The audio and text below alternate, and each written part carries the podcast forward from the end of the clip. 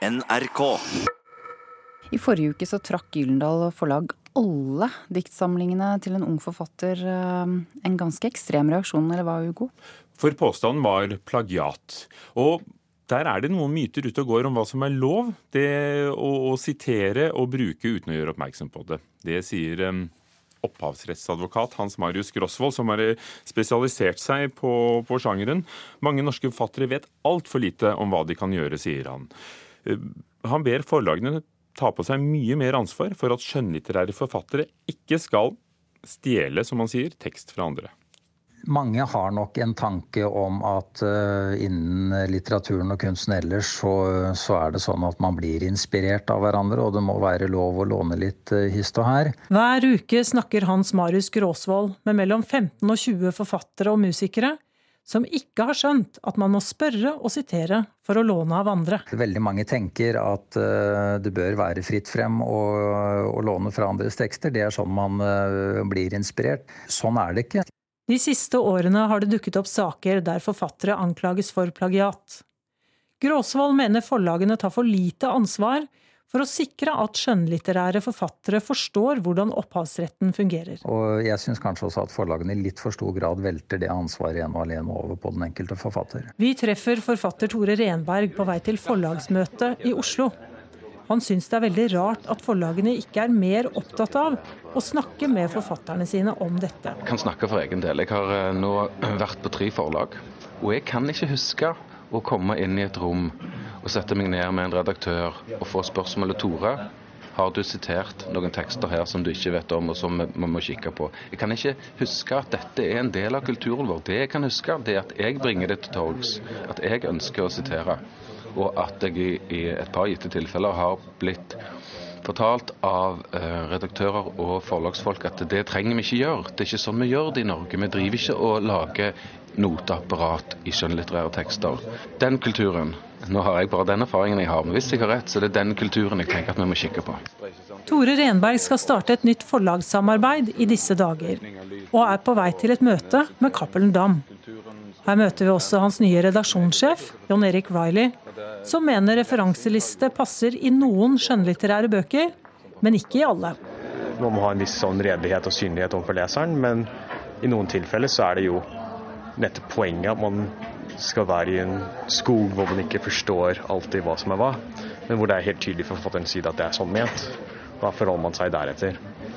Ja, men vi skal alltid være innenfor da, åndsverkslovens rammer, naturlig nok. da. Cappelen Dams rutine for å sjekke om forfattere har lånt tekst fra andre, beskriver John Erik Riley slik. Ja, altså Først og fremst så er det da den um, både engasjerte og gode redaktøren som er rutinen. Altså den som leser manuset, og som kan sin del av litteraturhistorien og følger med på samtidslitteraturen. Og har et blikk for disse tingene. Redaksjonssjefen og hans nye forfatter kan få noen spennende diskusjoner fremover.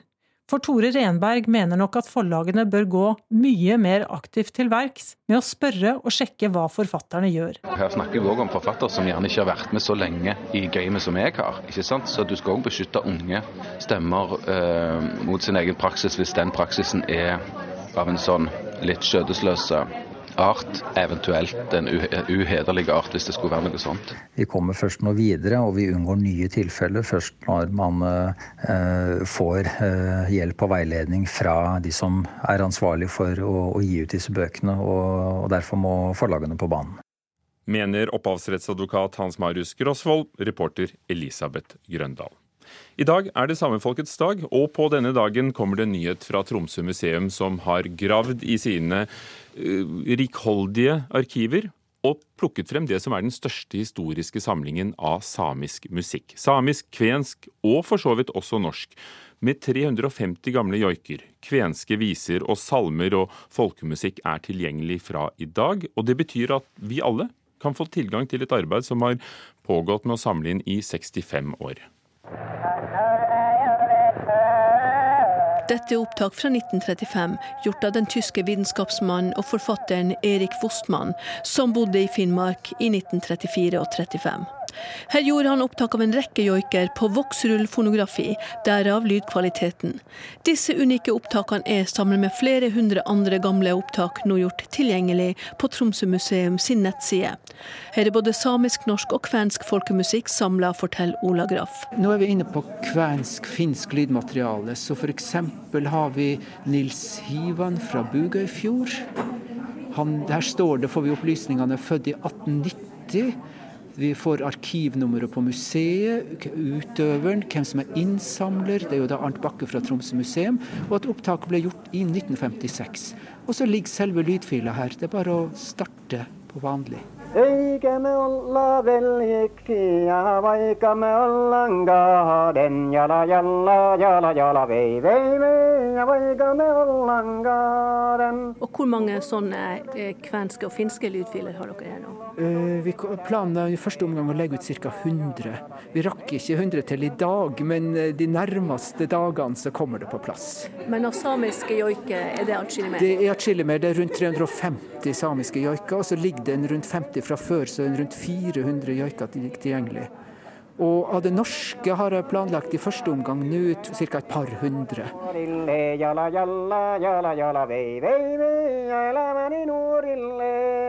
Det som legges ut nå er av de eldste, for det er det vi tenker er det mest spennende nå.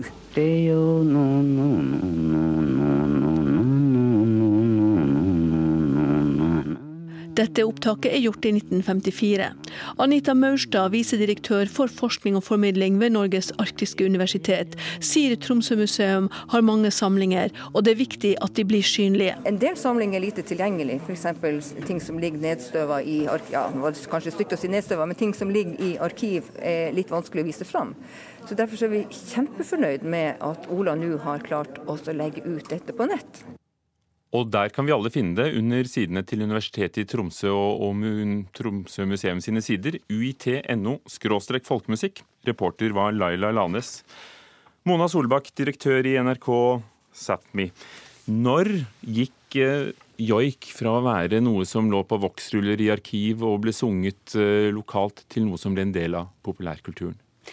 Joik er jo en skjør skatt som vi eh, samer så vidt har tort å vise til fremmede. Eh, fordi at vi har jo vært utsatt for misjonering, og misjonærene lærte jo oss at eh, joik var noe som var forbundet med djevelen. Så derfor eh, var det jo noe vi helst ikke eh, viste eller synliggjorde for andre. Og nå inntar det nasjonale og internasjonale scener. For Samenes nasjonaldag den, den, kom først i 1993 og, og har vært flaggdag bare fra, fra 2000-tallet. Men nå skal den bli et bidrag i Melodi Grand Prix igjen i år. Hva syns du om det? Jeg syns det er fantastisk at i 2019 får vi endelig høre joik igjen. Det er jo nesten 40 år siden Sami Etna med Matti Sætta og, og, Sverre Kjelsberg, så det er jo virkelig på tide. For det er ikke alle som husker det, som oss. Men i år er det altså Eh, altså et bidrag fra bandet Kaino med rapperen Fred Buljo, som skal eh, delta og kjempe om å bli Norges bidrag.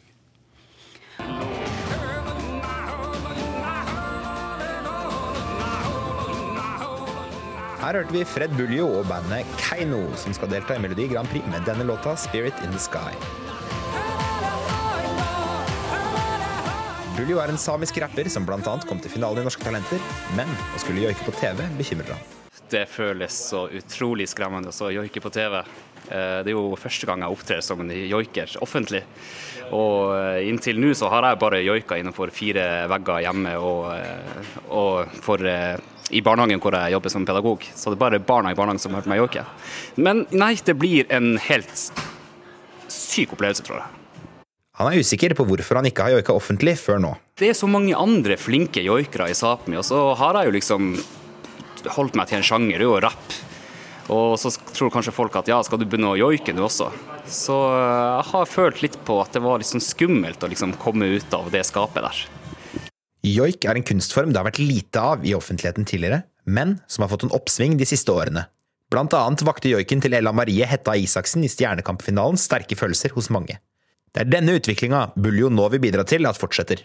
Ja, altså De siste årene så har det jo vært en sånn eh, joikevind eh, i hele Norge, og egentlig i Sverige også. Vi har jo hatt hun Ella Marie som vant eh, Stjernekamp, vi har hatt Jon Henrik Fjellgren.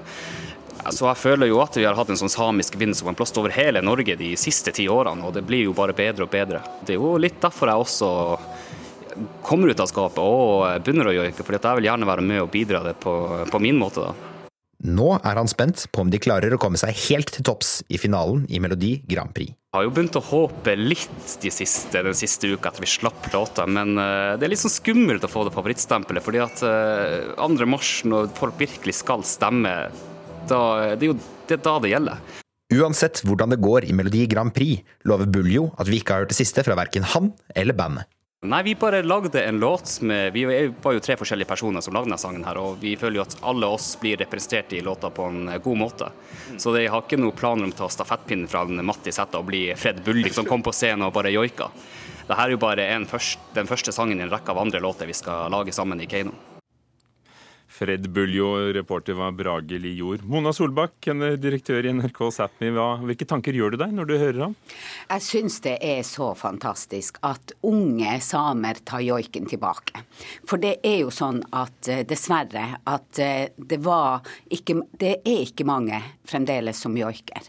Og at vi nå tar tar joiken tilbake, og, det, og, at det er de som fører den til, til nasjonale eh, mesterskap, holdt jeg på å si, som Stjernekamp, som Melodi Grand Prix. Det er, det er, det er da vi føler at nå begynner det å gå rett vei.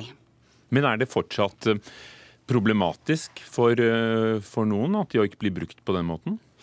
Dessverre er det jo det. Eh, nettopp med den bakgrunnen at vi har eh, opplevd eh, kristningen og misjonærene som sa at det her var forbundet med djevelen, og, og noe, man, noe, som var skamfullt. Og det er mange dessverre ennå som føler det, føler det, slik. Og det er fremdeles kirker i, i nord som ikke vil ha joik innenfor deres vegger. Er det i orden for ikke-samer å, å bruke joik i sin musikk? I NRK Sápmi så har vi jo hatt en satsing som, eh, med joik, nettopp for å synliggjøre joik. Og vi har hatt eh, to sesonger med Multe Mo, husk meg, hvor vi har eh, satt joik i høysetet. Hvor, hvor samiske joikemestere lærer eh, norske artister å joike. Og det har vært en bevissthet hos oss i forhold til det å, å vise å få respekten for joiken og vise verdien av den gjennom folk som ikke kjenner joik. Å løfte joik til en eh, sjanger og musikktradisjon som flere kan ta del i. For det er sånn vi tenker at vi har enda bedre odds eh, for joiken. Mm. Samenes nasjonaldag er i dag. Hva tror du en dag som denne har betydd for spredningen av samisk kultur, og, og at ja, også joik blir, blir, tatt opp i det musikalske bildet? Det har stor verdi. Eh, det at nasjonale medier, sånn som i fjor, og som jeg ser også i år, eh, synliggjør samenes nasjonaldag og viser oss frem, og at vi er en del av det nasjonale bildet, er uvurderlig og viktig. Hvis vi ikke er synlige, så er vi heller ikke i bevisstheten til folk. Viser oss frem, sier du. Men det å være samisk, Går det hånd i hånd med å være norsk, eller svensk, eller russisk eller finsk? Eh, vi har jo eh, mennesker flere, eh, flere identiteter. Eh, og hånd i hånd går det nok ikke. Eh, vi er jo ett folk i fire land, så vi har jo landegrenser å forholde oss til. Takk skal du ha. Mona Solbakk, direktør i NRK Sápmi. Og vi blir med på feiringen av samenes nasjonaldag i Kautokeino om litt i Nyhetsmorgen, men aller først Dagsnytt.